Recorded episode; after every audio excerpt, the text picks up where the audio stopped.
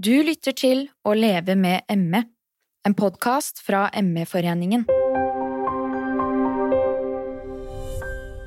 ME er en sykdom som rammer flere tusen mennesker på forskjellige vis, og forskere vet fortsatt ikke nok om sykdommen.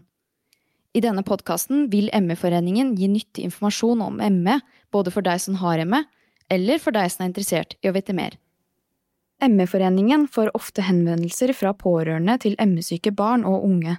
Derfor utførte ME-foreningen i 2016 en spørreundersøkelse og dybdeintervjuer med pårørende. Funnene førte til rapporten Barn og unge med ME og deres familier, som ble utført med midler fra Helsedirektoratet. Rapporten viser blant annet at ME gir betydelige utfordringer i skolehverdagen, få klarer å gå fulltid på skole, og mer enn seks av ti må hvile så mye for å klare å gå på skolen at de har valgt bort alle andre aktiviteter. Mange av de spurte mener ansatte innen skolen, helsevesen og kommunens hjelpeapparat ikke har nok kunnskap om ME. Mer enn sju av ti mener de kan mer om ME enn sin egen fastlege. Kompetanseheving i alle instanser fremheves som et av de viktigste forbedringstiltakene i rapporten. Barn og pårørende må bli møtt med respekt, og de må bli lytta til. Du kan lese hele rapporten på emmeforeningen.no. Det å oppleve at barnet har ME, er en fortvila situasjon. Hvordan kan det egentlig oppleves å være forelder til et barn som får diagnosen ME, og hva kan man gjøre? Det skal vi høre mer om i denne episoden av Å leve med ME. Vi har fått med oss Tina og Tonje, som begge er foreldre til barn med ME, og de er her i dag for å dele deres historier. Velkommen så mye til oss. Takk. Takk. Tonje, vi skal starte litt med deg. Du har eh, to sønner med ME. Kan du fortelle litt om eh, det? Ja, jeg uh, har tre voksne gutter som Der de to yngste har hatt ME siden de var 12-13 år gamle, og det er godt over ti år siden de fikk den diagnosen. Um, nå er de i, i midten av 20-årene begge, og, og, det var en lang vei før vi fant ut hva som feilte dem, og jeg tror også de ble ganske mye sykere um, i den tiden, fordi vi ikke helt forsto at vi måtte uh, lytte til uh, kroppen, vi måtte lytte til det, helsen deres, og ikke ha for høye ambisjoner og ikke tenke at alt gikk over, bare vi gjorde hyggelige og fine ting og satte opp tempoet litt og, og, og, fulgte de alminnelige helserådene som uh, vi har stolt på inntil, uh, inntil, da. Det har vært en veldig, veldig lang vei. Det er veldig bakvendt sykdom ofte, fordi alt det som jeg har trodd var um, bra for barn, det var plutselig ikke så bra for mine sønner lenger. Det å så uh, fylle huset med mennesker og gjøre noe gøy og spennende og hyggelig og dra på turer og trene litt og sånn, det, det førte til at de plutselig ble stille. Klarte ikke å prate. Ansiktsmimikken ble dårligere. Um, de ble kalde, klarte ikke å holde kroppsvarmen og greide ikke lenger å spise, fikk vondt. Og det var eh, det helt uventet og, og uh, vanskelig reaksjon å, å, oppleve, og veldig, veldig, vanskelig å vite hvordan jeg skulle møte den som mor, hvordan jeg skulle ta vare på, på barna mine da.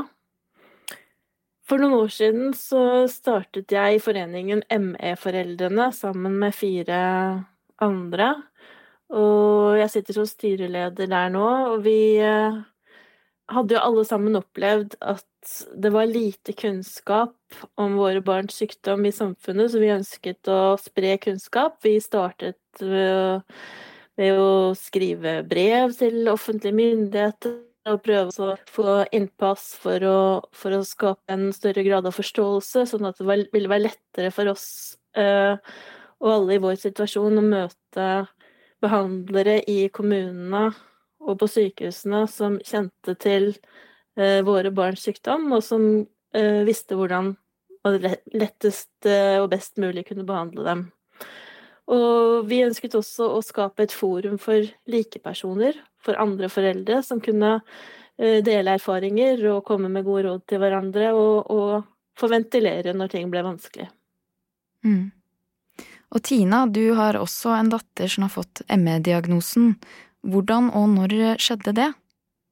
Det begynte i tredje klasse. Det starta med en halsbetennelse, streptokokk halsbetennelse, som som varte veldig lenge. Hun kom seg liksom ikke så kjapt som vi hadde forventa. Eh, men så kom hun seg på skolen til slutt, da. Men så ble hun kjapt syk igjen med ørebetennelse. Eh, som også varte litt sånn ekstra lenge. Så, men så var hun tilbake på skolen igjen. Men så ble hun syk igjen med forkjølelse, som også ble litt sånn ekstra langdryg. Så hun fikk sånn uh, stadig flere lange perioder med mer sånn uh, nedsatt allmenntilstand, utmattelse og hodepine. Og sånn gikk hele tredjeklassen. Eh, men eh, hun gikk faktisk hele tredje klasse uten at jeg konkret tenkte ME. Altså selv om jeg har ME sjøl, så om, det var, om jeg ikke ville tenke ME, eller om eh, Jeg vet ikke.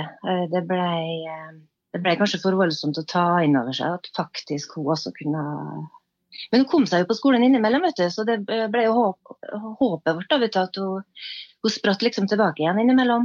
Mm. Eh, men så smalt det jo skikkelig, da. Hun, hun gikk sånn og hangla hele tredje klasse, men så smalt det skikkelig før fjerde klasse. Og nå går hun i syvende klasse og har eh, ikke vært på skolen i fjerde, femte, sjette eller nå syvende klasse mer enn uh, Hun er på skolen sånn én til tre skoletimer per måned, hvis vi er heldige.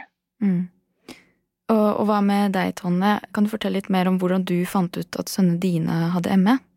Jeg hadde jo hørt om sykdommen, og så hadde jeg liksom ikke tenkt at det ja, Jeg forsto ikke helt hva det var for noe, men jeg nevnte det i en uh, bisetning til uh, hun som jeg da jobbet under i uh, Som var kommuneoverlegen der jeg, i den kommunen jeg jobbet i, og, og hun ble interessert og ville hjelpe oss, og, og satte i gang uh, en del utredninger uh, for oss å finne ut om symptomene kunne skyldes noe annet av uh, fysiske sykdommer eller psykiske plager, og så tok de mange prøver over lang tid, og, og så kom hun hjem til oss, og så pratet hun med begge to, og, og ga dem uh, diagnosen ME da etter det som da var internasjonale konsensuskriterier, som da var ganske nye uh, diagnosekriterier på den tiden. Og når var dette? Uh, det var i begynnelsen av 2012, og da hadde de allerede vært syke i mange år, og det var mange år med mye feilforståelse og med sykdomsforverring. Hver gang vi skulle prøve på noe som vi håpet hjalp, så så, så virket det omtrent motsatt av det vi ønsket. Da de ble syke, så kunne de på en måte ikke Altså, de fortalte at de var slitne, og det er jo et veldig forslitt uttrykk. Det kan bety så mye. Vi sier jo alle at vi er slitne av og til, og, og, og lærerne kunne si at ja, men det er ikke noe som heter sliten, eller Se, nå er du hvilt, nå får du komme deg tilbake på skolen, eller Men uh, men det var ikke sånn det fungerte. Vi hadde egentlig ikke noe språk som kunne beskrive det de opplevde. Den ene sønnen min sa i ettertid at han trodde at han var lat. Fordi han bare merket at han klarte ikke å følge de forventningene som var, heller ikke sine egne forventninger. Og han visste ikke helt hva det skyldtes. Den yngste sønnen min hadde mye fysiske plager, veldig mange helseplager, og ble undersøkt av over et titalls leger over uh, perioden i de to-tre første årene, og alle hadde som hovedhypotese uh, at det var psykosomatisk sykdom, at det var at smertene hans skyldtes uh, at han hadde det vanskelig pga. skilsmissen, eller at han hadde det vanskelig på skolen. Og, og, først når de fant ut at han også hadde en sykdom i magen, sånn, så, så, fikk han på en måte litt behandling og blitt tatt på alvor, men da hadde han mistet troen på at de som kom for å hjelpe, egentlig kunne hjelpe han noe særlig, altså. Og hvordan opplevde du at barna dine ble møtt av venner og familie og samfunnet etter at de fikk ME?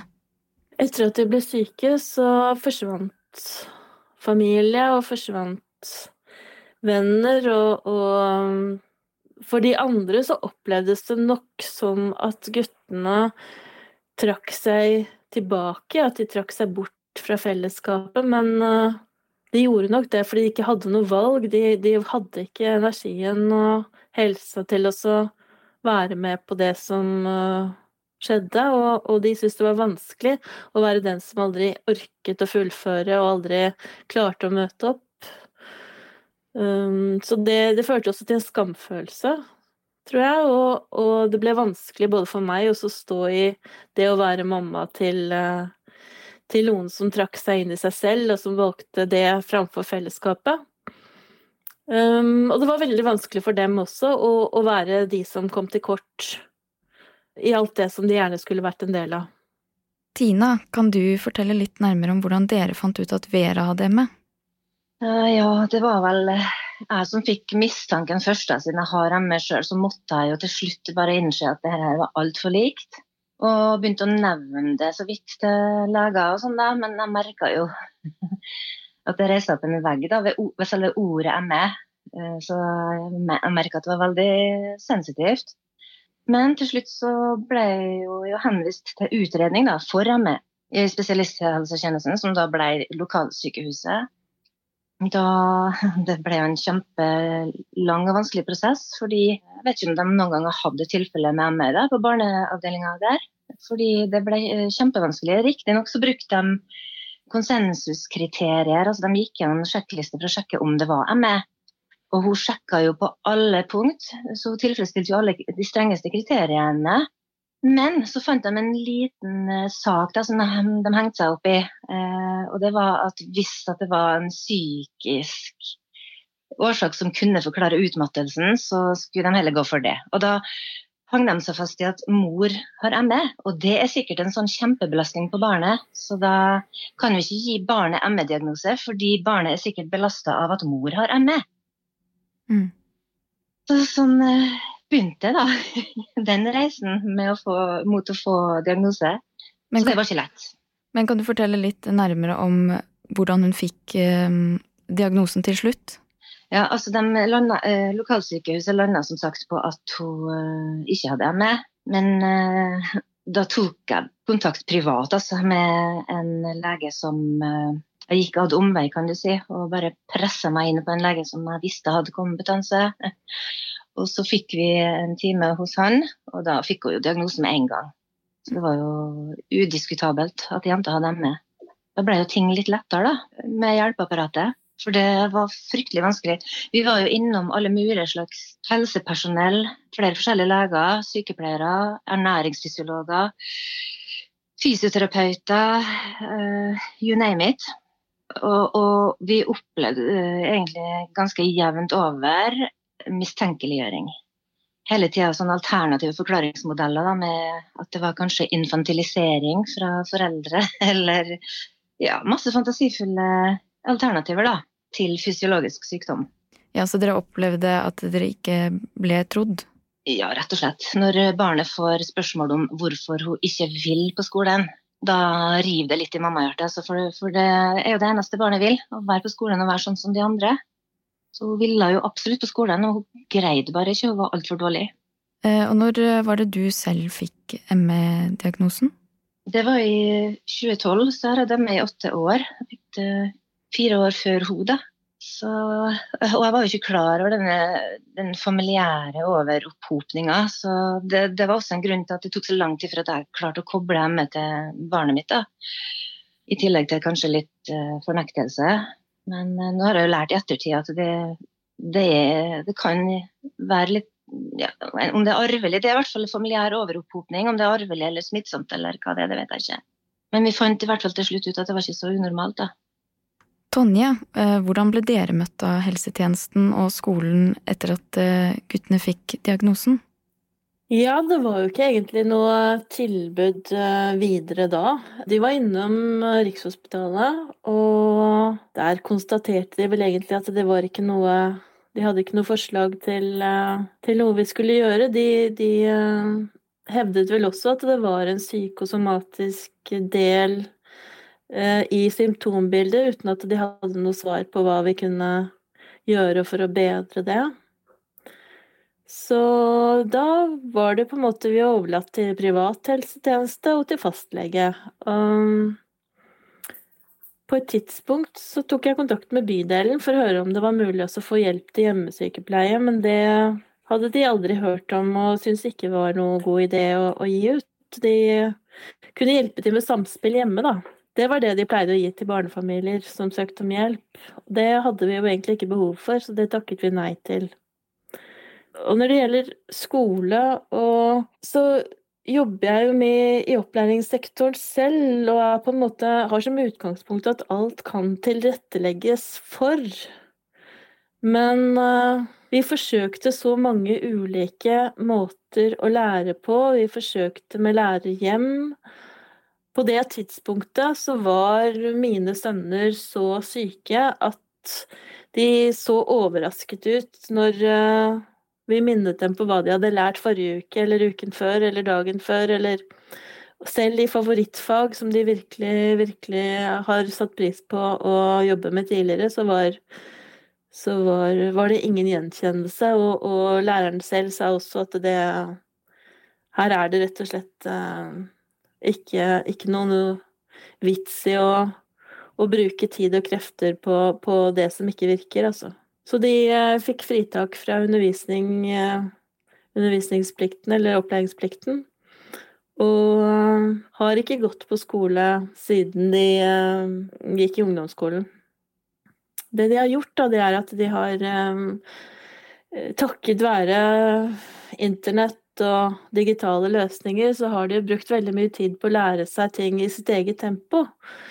Og holdt kontakt med internasjonale miljøer som uh, kan uh, det de er interessert i, og, og, har lært seg koding og en del ferdigheter. Og en av dem har også lært seg japansk og holder på å oversette en, uh, oversette en bok fra japansk til engelsk, som han bruker noe tilmålt tid på hver dag. Og så hviler han før, og så hviler han etter, og så, så har han noen minutter som han opplever er konstruktive, da.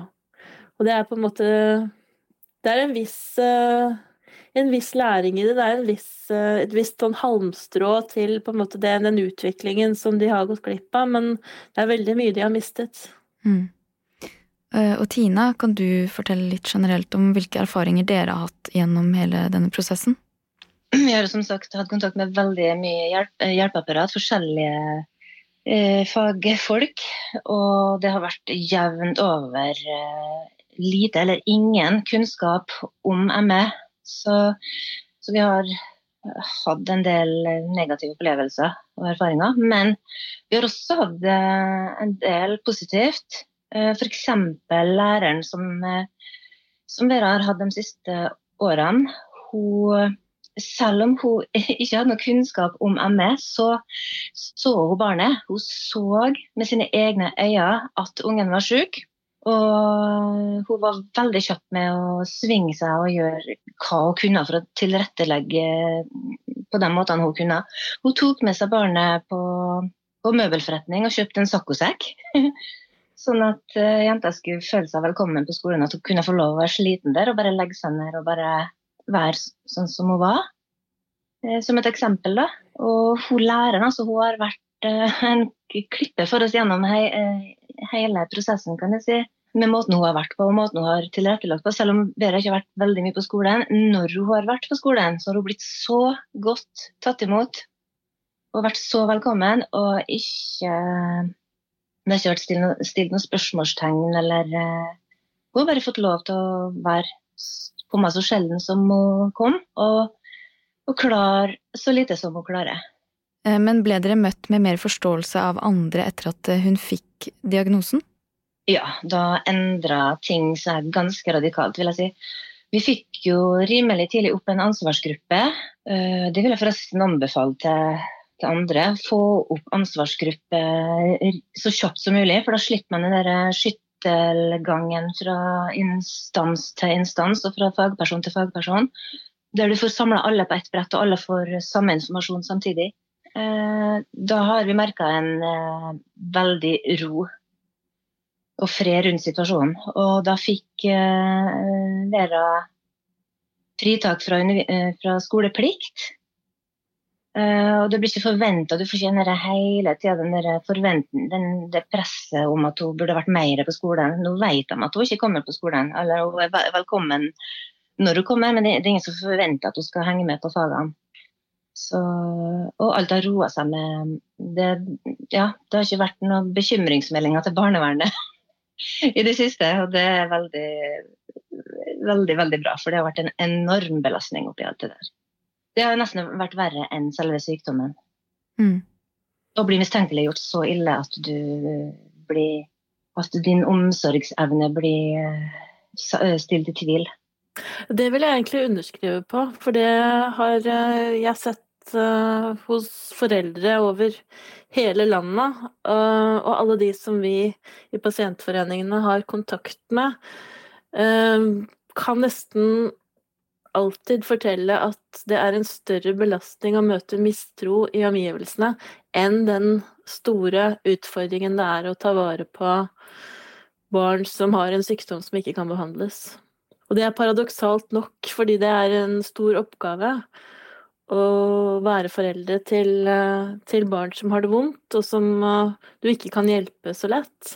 Men, men jeg har også opplevd mye mistenksomhet og mange hjelpere som veldig gjerne skulle ønske at de eh, hadde en eller annen løsning, og så kommer de gjerne med en forklaring på at eh, nei, her er det nok eh, mor som gjør barna sykere, eller her er det egentlig en feilforståelse, og det gjelder bare å ta seg sammen, eller å tenke litt annerledes, eller endre på kosten, eller komme med noen lettvinte løsninger som eh, vi jo etter hvert har eh, hørt mye av opp gjennom mange år. Men hva tenker du eh, om, om ungdomsskolen? Oi, ja. Nå er det siste året på barneskolen, eh, så klart vi begynner å grugle oss allerede. Vi vet jo ikke hvordan eh, det blir. For nå har vi vært gjennom veldig mye forskjellige eh, fagfolk. Og det er også stor gjennomtrekk i alle profesjoner, merker jeg. Nye lærere, nye rektorer, nye folk i barnevernet, nye leger. Nye fysioterapeuter, nye helsesykepleiere på skolen. Så og når hun da begynner på ungdomsskolen, så blir vel alt nytt. Alle blir bytta ut, sikkert. Bortsett fra fastlegen, da. Så det blir kjempespennende. Mm. Jeg håper bare, altså Skolen har jo planlagt at det skal være sånn overlapp, et overlappingsmøte. Da, der uh, Det siste ansvarsgruppemøtet vi har på barneskolen, og da skal ungdomsskolen være med. Så da håper jeg at vi får overført mest mulig kunnskap til ungdomsskolen, da, slik at vi slipper å gå gjennom hele tralten om igjen. Og skolen den handler jo ikke bare om fag, og for mange barn så er jo skolen eh, det sosiale midtpunktet. Hvordan har ME påvirka det sosiale livet til eh, dine sønner, Tonje? Det har påvirket alt. Det har tatt fra dem eh, det livet de hadde, og det har gjort at folk rundt dem har trukket seg unna og, og ikke forstått, og selv etter at de fikk diagnosen ME. Nå er, er dette litt noen år tidligere enn da Tinas datter fikk eh, diagnosen, og jeg håper at det betyr at det er lettere for barn i dag, eh, og for familier i dag. Men eh, jeg opplevde jo at det var liten vilje både fra læreres side og fra andre foreldres side til å Gi det lille ekstra som viste at de ble tenkt på, eller at de ble husket på i forskjellige sammenhenger. Jeg har jo mange ganger lurt på om det er, eh, om det er mulig å leve så, så uten, uh, uten, å ha kontakt med jevnaldrende og uten å være en del av, en, uh, av et jevnaldrende fellesskap. Men det ser faktisk forunderlig nok ut som om det er mulig, og, og en av grunnene er jo for så vidt for mine sønner at de har hverandre. og så har de også fellesskap eh, på internett i noen grad med et internasjonalt miljø. Ja, og under den perioden som vi har gått gjennom nå, er det jo mange som har hatt eh, digital skole under eh, koronapandemien. Tror du det kunne vært et godt verktøy for annet barn som har ME? Vet du, jeg tror at det vil være gull om vi i Norge hadde lansert et nasjonalt undervisningstilbud som var heldigitalt et som ikke er avhengig av erfaringene fra kommune til kommune, men som kan samle mm, erfaringer fra hele landet og alle kommuner og fylkeskommuner, og gi et likeverdig nettilbud for de som trenger det.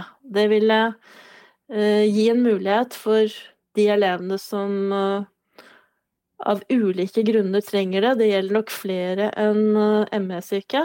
Og det kan være et midlertidig tilbud i en kort periode av livet. Og så kan man ha som mål å komme tilbake til et uh, fysisk fellesskap seinere. Så det er en uh, gratis idé fra meg, som jeg håper blir tatt tak i. Eh, og til sist et spørsmål til dere begge. Hva bør man gjøre om man har et barn med ME eller mistenker at de har sykdommen? Tina? Jeg tenker skaff informasjon så fort man kan. Altså det, eh, det, er lett å si, men jeg ser jo det at det er veldig mange er jo aktive på forskjellige fora. Og da ser jeg at folk kommer inn i disse gruppene eh, når de allerede har vært gjennom veldig mange av de problemene som de kunne ha fått hjelp til i gruppene. Så, men uh, uansett da, så vil jeg gi et råd om å snarest uh, mulig melde seg inn i grupper og foreningene. ME-foreninger og pårørendegruppa Eh, få hjelp. Eh, for det har vært uvurderlig for meg å få kaste ball med de andre foreldrene og komme med innspill og få tilbakemeldinger og hjelp, rett og slett der, altså. Og en annen ting som er viktig, det er, eh, som jeg skulle ønske at jeg var mer obs på da, det var å finne ut hvilket sykehus som har best kompetanse på ME. Sånn at når du blir når barnet skal utredes i spesialisthelsetjenesten, at den ikke blir bare henvist til det nærmeste sykehus, kan jeg si. Vi har eh, fritt sykehusvalg, og man kan velge det sykehuset som har best eh, kompetanse. Eh, det, det koster oss veldig mye krefter og energi å gå gjennom utredning ved lokalsykehuset. I ettertid så er jeg paradoksalt nok glad for at vi gjorde det likevel, fordi lokalsykehuset har jo lært av oss. Sånn at de som kommer etter oss, de får en helt annen velkomst. Barneavdelinga ba oss om unnskyldning for måten vi ble møtt på, og de lovte oss at de skulle ha eh, internundervisning om ME hos barn. Så det er liksom blanda følelser. Men eh, informasjon, eh, sykehus med kompetanse, og så få opp en ansvarsgruppe så snart som mulig, sånn at man slipper den skyttelgangen og springer fra instans til instans. Og hva med deg, Tonje, hva tenker du? Jeg tenker at det å ta barnet sitt på alvor, og det barnet forteller om, både med sin atferd og sine ord og alt det du observerer, det er helt avgjørende for hvordan det kommer til å gå videre anerkjenn det som barnet opplever, og det barnet ser. Ehm, selv om det ikke skulle være, vise seg å være ME, så eh, er det helt avgjørende at barnet føler at det blir eh, tatt på alvor, og at det er med i og, Altså, det er noen der som er ute etter å hjelpe, noen som er ute etter å finne ut av, og noen som er ute etter av å følge barnet tett når det trengs mest. Og så er jeg helt enig med det Tina sier. Kontakt pasientorganisasjonene. Les deg opp, og vit at det finnes kompetanse der ute. Når det gjelder eh, skole, så er det jo en anbefalt prioritering om å velge det på tredjeplass for barn og unge, altså velge helse først, deretter sosialt. Men hvis du kommer inn tidlig for et sykt barn, så er det antageligvis mange muligheter for tilrettelegging, sånn at man slipper å falle helt utenfor. Og da kontakter man PP-tjenesten, og PP-tjenesten kan hente råd hos Statped om de ønsker det. Det er mulig å tilrettelegge for omtrent alt, om det så bare er en telefonsamtale i uken med lærer og skole, eller om det er å besøke noen i friminuttene eller å være med på favorittfaget to ganger i måneden. Det er så mange måter å få lov til å eh, beholde den plassen i fellesskapet som alle trenger å ha. Da vil jeg si tusen takk til dere begge for at eh, dere ville dele deres erfaringer med oss, Tina og Tonje. Tusen takk for at jeg fikk lov til å komme. Takk for at du fikk være med. ME-foreningens erfaring med ME for barn og unge er at det å vise kjærlighet og skape et trygt rom der barna får lov til å være seg selv med sin sykdom, er det viktigste. Vær der om barna har behov for å snakke, men la barnet styre hvor mye det ønsker å snakke om symptomer og begrensninger. Det viktigste er at barnet føler seg elsket, akseptert og trygt.